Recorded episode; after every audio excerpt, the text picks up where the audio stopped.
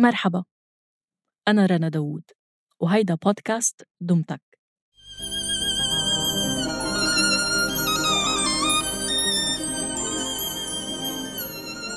بقديم الزمان وسالف العصر والأوان كان الملك شهريار حاكم البلاد لكنه تحول لوحش من وجع صابه.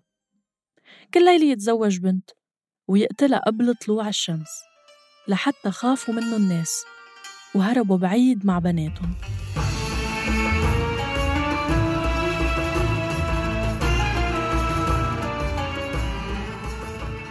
أمر شهريار الوزير بأنه يلاقي له صبية جديدة. مصير الموت المعلوم. رجع الوزير على بيته. بعيونه غضب وبقلبه خوف من الملك. بس شهرزاد بنت الوزير لما سمعت أبوها بيحكي عن شهريار الملك الظالم قالت له زوجوني أنا هالملك إما بعيش أو بخلص المملكة منه للأبد.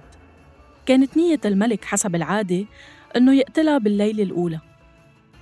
بس شهرزاد الحكواتية الساحرة قدرت تلهيه وتعيش. حكت له حكاية وسحرت شهريار بالأساطير والقصص وضل فايق كل الليل ليسمع بقية الحكاية. لهاي الليلة وكل ليلة هيك لحتى مرق ألف ليلة وليلة. من وقتها الناس بتحكي حكاية لتعيش. وحكايتنا اليوم عن شريهان الراوية الحسناء اللي سحرت قلوبنا كيفما تشاء. رح نخبركن حكايتها مع الفوازير اللي كانت دافعة لتعيش. شهري كلم شهري علم شهري سلم شه لما وصلنا لأجمل شه شهري كلم شهري علم شهري سلم شه لما وصلنا لأجمل شه بحكاية من هنا وهنا. مصر. عرب. أريوام. أطراف.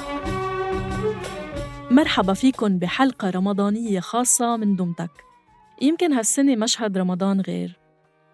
بس بشهر رمضان عادة بتتزين الشوارع بالفوانيس والزينة وبتزيد شهوة الناس على الحلويات والقطايف والعصير الطازة والأهم إنه العائلات بتتجمع حول التلفزيون وبتتنافس القنوات وشركات الإنتاج والإعلانات على اهتمامهم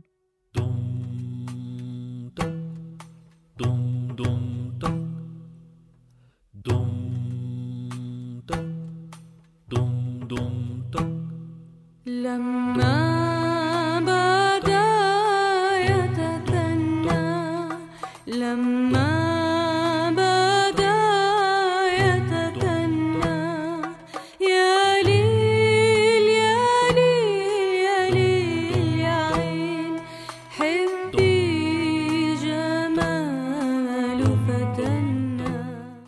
فوازير رمضان هي واحدة من الإنتاجات اللي فينا نقول عنها خالدة بتاريخ التلفزيونات العربية وخصوصاً بمصر. هي حلقات استعراض بتتقدم فيها فزورة، حزورة، أحجية اللي بدكن يا سموها بدأت بالإذاعة وبعدين على التلفزيون بالستينيات وكملت وكبرت لحد أوائل التسعينيات.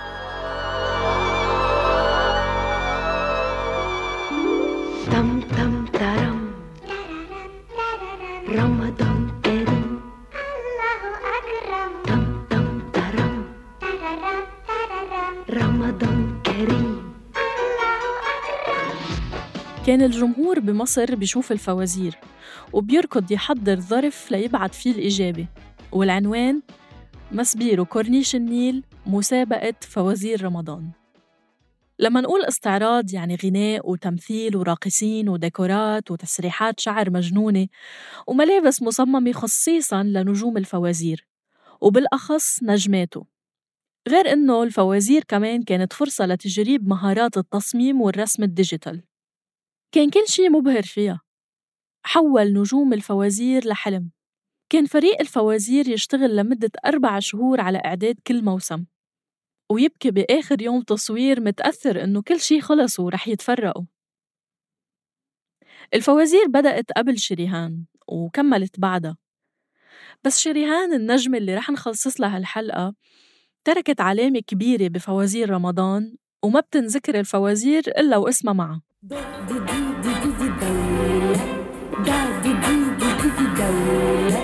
دولة مين ودولة مين شرق وغرب شمال ويمين كل العالم بني آدمين وحبايب المصريين. يسعد مساكم بالبلد وبيلا وانت البربند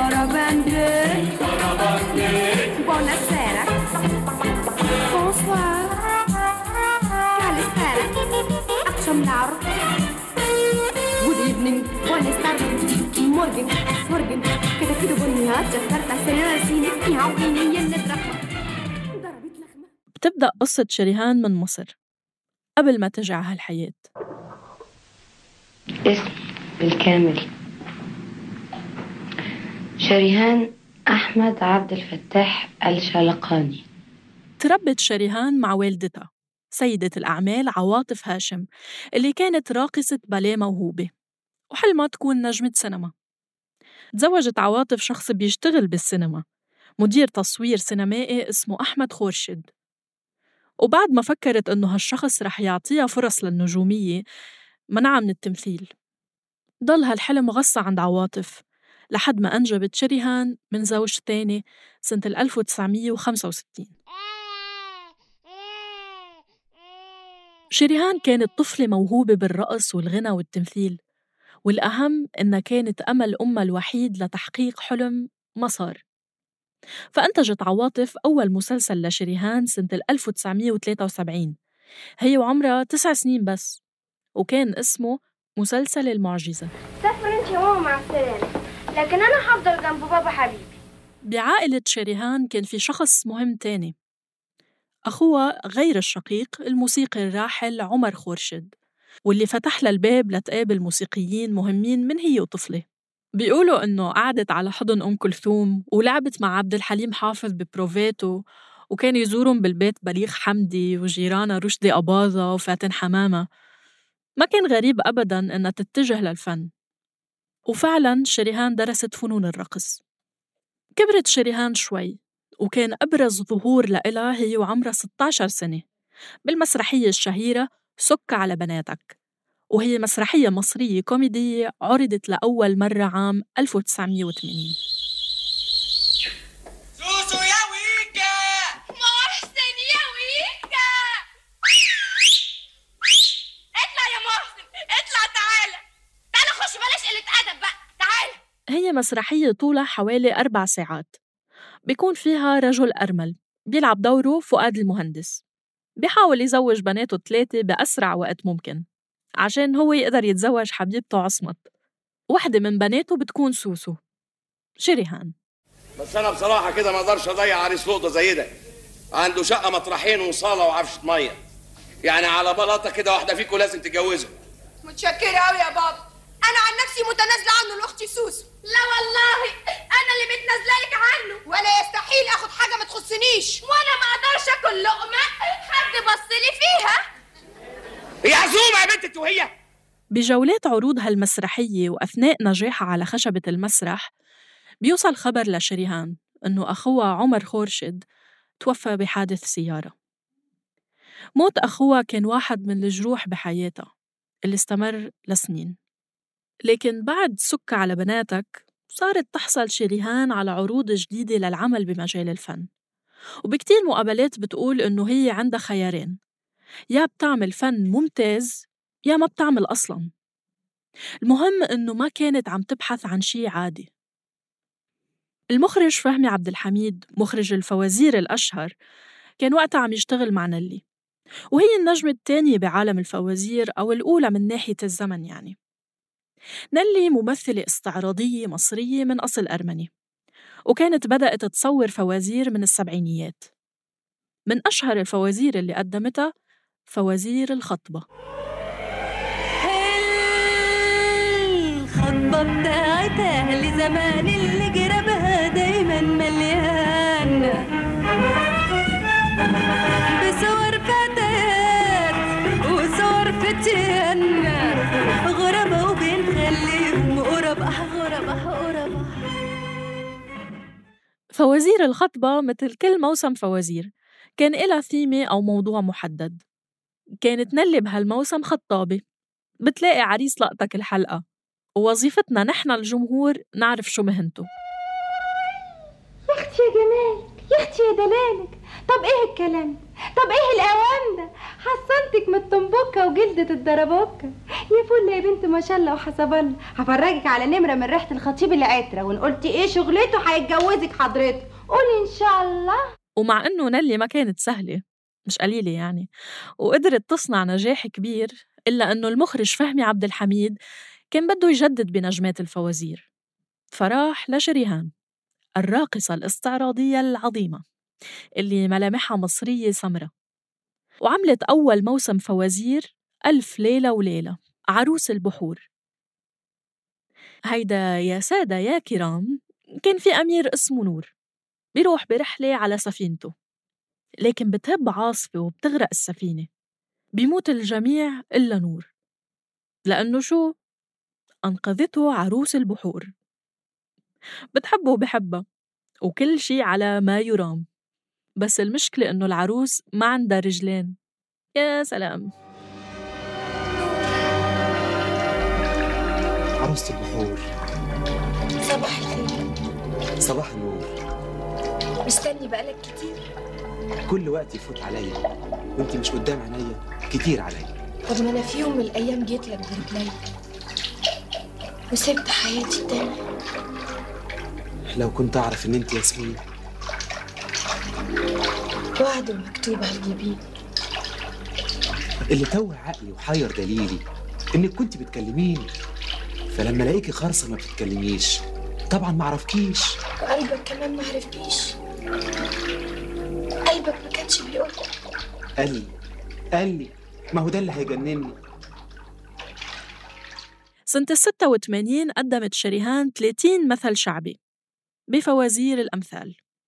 من وحي الحجر المنزلي والقعدة بالبيت اخترنا لكم مقطع من فزورة المثل أكل ومرعى وقلة صنعة من هؤلاء؟ ناس أم تماثيل؟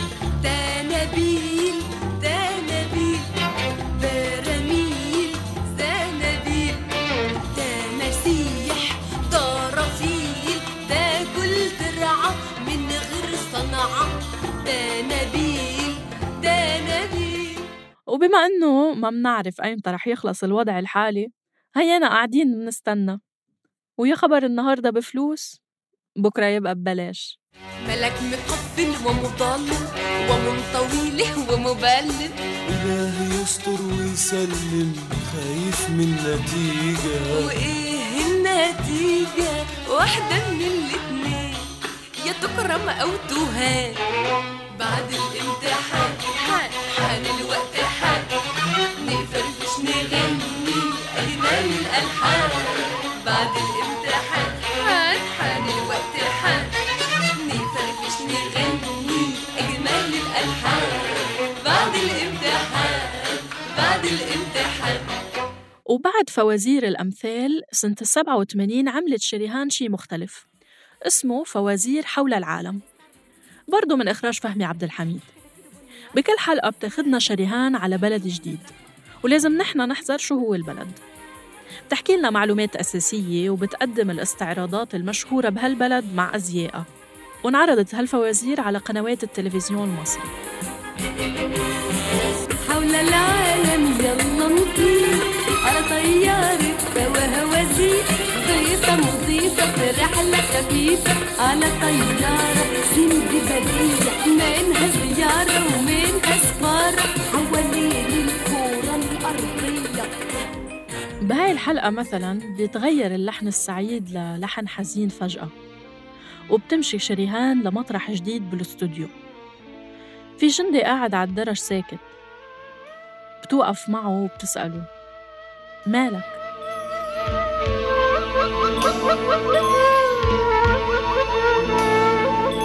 مالك جاي من وسط النار. فين العود؟ فين الجيتار؟ البارود. قطع أوتار المطرب والمطربة.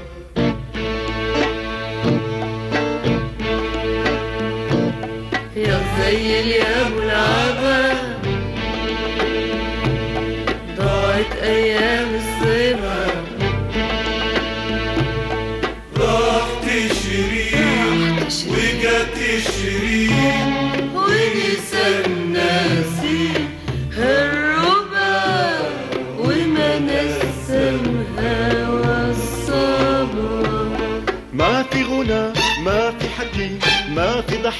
ولا بكي لا تصرخي لا تشتكي.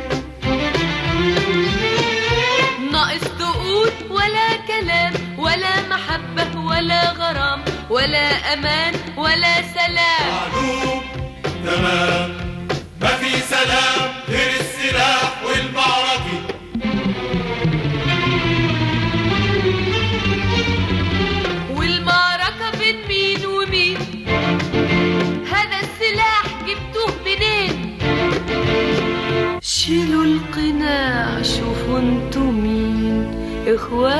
لزم مين انتصر مين انهزم مين انحصر مين انكسر مين انعدم. ما في حدا غير العدا المستفيد من الحرب والموت والعدم. كانت الفوازير بهديك الحلقة سنة السبعة وثمانين عم تبعت رسالة سلام للبنان اللي كان عم بيعيش حرب. الحرب الأهلية اللبنانية بدأت بالخمسة وسبعين وانتهت بالتسعين.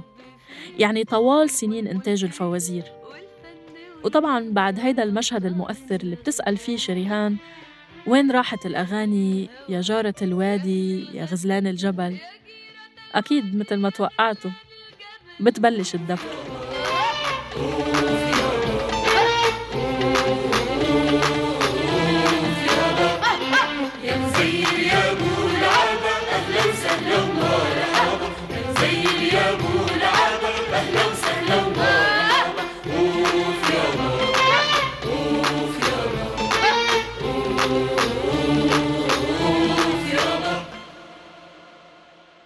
الكاتب المصري بلال فضل انولد بالسبعينيات فتربى هو وعم يحضر الفوازير بيقول بكتابه ضحك مجروح كانت الفوازير تاخد مساحة كبيرة من النقاشات بالبيت وبالصحافة وبالمساجد اللي بتهاجمها كمان كان ينسأل هل كانت نيلي فاكهة رمضان ولا شريهان أفكه منها؟ وما كان يهل هلال العيد إلا والصحف على الأكيد كاتبين مقال عنوانه هل يصح رمضان بلا فوازير؟ كل سنة بيطلعوا المقال من الدرج بيعدلوا عليه شوي وبيرجعوا بينشروه هلأ ونحن عم نحضر إنتاجات الثمانينات على يوتيوب بفضل أرشيف قنوات مسبيرو وبرغم المبالغة بالمؤثرات والغرق بكليشيهات إلى أول ما إلى آخر وإذا غضينا النظر عن بعض الأفكار العنصرية بكم حلقة في سحر خاص بالفوازير. إنه كيف بالثمانينات بالوقت اللي ما كان الناس عندها إنترنت ببيوتها ولا كانت تقدر تشوف عروض من بلدان العالم تجي الفوازير تقدم استعراض مسلي مبهر بأدوات هيداك الزمن وبنفس الوقت يتجمع الجمهور العربي كله ليشوفها. من استوديو بالقاهرة يوم تكون الحلقة من الهند يوم من الإمارات ويوم من فرنسا. في شي لذيذ ويمكن هالشعور هو بس نوستالجيا لفكرة إنه نقعد نحضر تلفزيون مع أهلنا بالبيت قبل ما نكبر ونحمل تليفون بالبيت رايحين جايين مع سماعات عم نشوف شي مسلسل أمريكي على نتفليكس. على كل حال قصة شريهان ما كانت كلها فرح وغنى ورقص. تعبت جدا جدا جدا جدا عشان أقدر أقف. مفيش نو إني أقوم نو إني أقف نو إني مش قادرة أحكي لك على العذاب اللي أنا شفته. مش قادرة أقول لك على الآلام اللي أنا شفتها.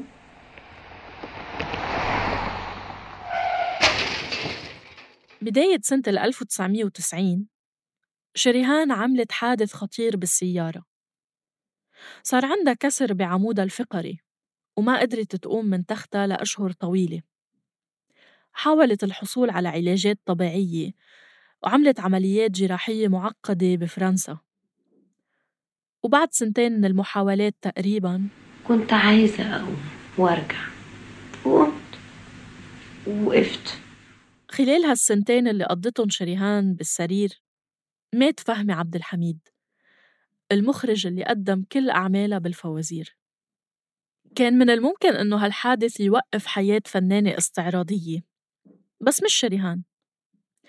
على طول بعد شفائها شاركت بمسرحية شارع محمد علي.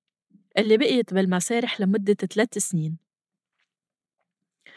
بآخر سنة من العروض كانت شريهان عم تشتغل على المسرحية وعلى طول تطلع على التلفزيون المصري لتصور فوازير جديدة حاجات ومحتاجات اللي انعرضت سنة 93 من تأليف وأشعار سيد حجاب.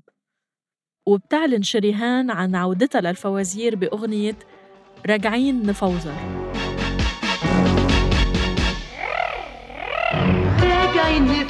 نفوزر حفرفر وكده كده كده كده الفرفر اضرب يا بوي اضرب يا بوي اضرب يا بوي لا لا لا لا لا لا لا لا لا لا لا لا لا لا لا مستحرم رجعتها بحاجات ومحتاجات كانت بنجاح بداياتها بالضبط كانت هالفوازير مثل منوعات مرات إجابة الفوازير تكون اسم بلد مرات اسم جماد مثل الطيارة أو شي عام مثل المسرح والسينما. وقدمت فيهم شريهان أنواع رقص متنوعة من الرقص النقري ال tap dancing للرقص الشرقي والمعاصر. بس بعدها ومن وقت موت المخرج الشهير عبد الحميد وقلة الكتاب اللي بيشتغلوا بالفوازير وظهور خيارات كتيرة على البيوت العربية مع دخول ال satellite كان في محاولات صغيرة لإرجاع الفوازير بمصر وغيرها بس ولا وحدة من هالمحاولات نجحت مثل نجاح نلي وشريهان وبقيوا اتنين أبرز نجمتين شكلوا هالفن وحطوا معاييره اللي صعبة منافستها والمقالات بالجرايد والمواقع الإلكترونية بدل ما يكون عنوانها هل يصح رمضان دون فوازير؟ صار العنوان هل انتهت الفوازير دون عودة؟ من المحاولات لإرجاع الفوازير كانت محاولات لشريهان نفسها اللي كانت مستعدة تنتجها بشكل شخصي بس مرة تانية ظروفها الصحية وقفت بطريق نجوميتها. سنة 2002 دخلت شريهان صراع جديد هالمرة مع السرطان فغابت عن الشاشة لسنين واضطرت تجري عمليات جراحية بوجهها بعد تغير ملامحها بسبب المرض. وسنة 2017 ترجع شريهان. بحفلة أقيمت للاحتفاء فيها وبشفائها. تنزل عن درج طويل بفستان أبيض. على وقع موسيقى ألف ليلة وليلة. وبتبكي مع جمهورها وزملائها متأثرة بكل هالحب.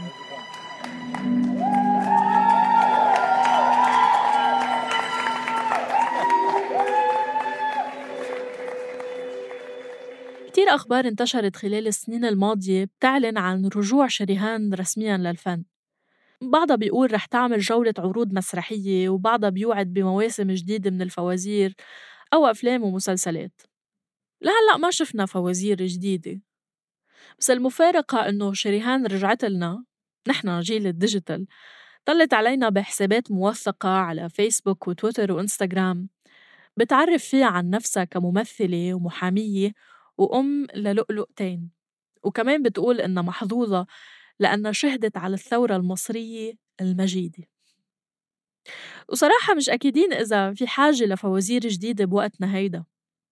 وقت اللي بطل فيه سحر للتلفزيون ولا سحر للمغلفات المكتوبة نركض نبعتها على الإذاعة. وصار إبهارنا كتير أصعب من قبل. بس اللي منعرفه منيح إنه ما كانت صدفة إنه بسبب الفوازير ورغم كل شي تاني رح تضل شريهان عايشة للأبد.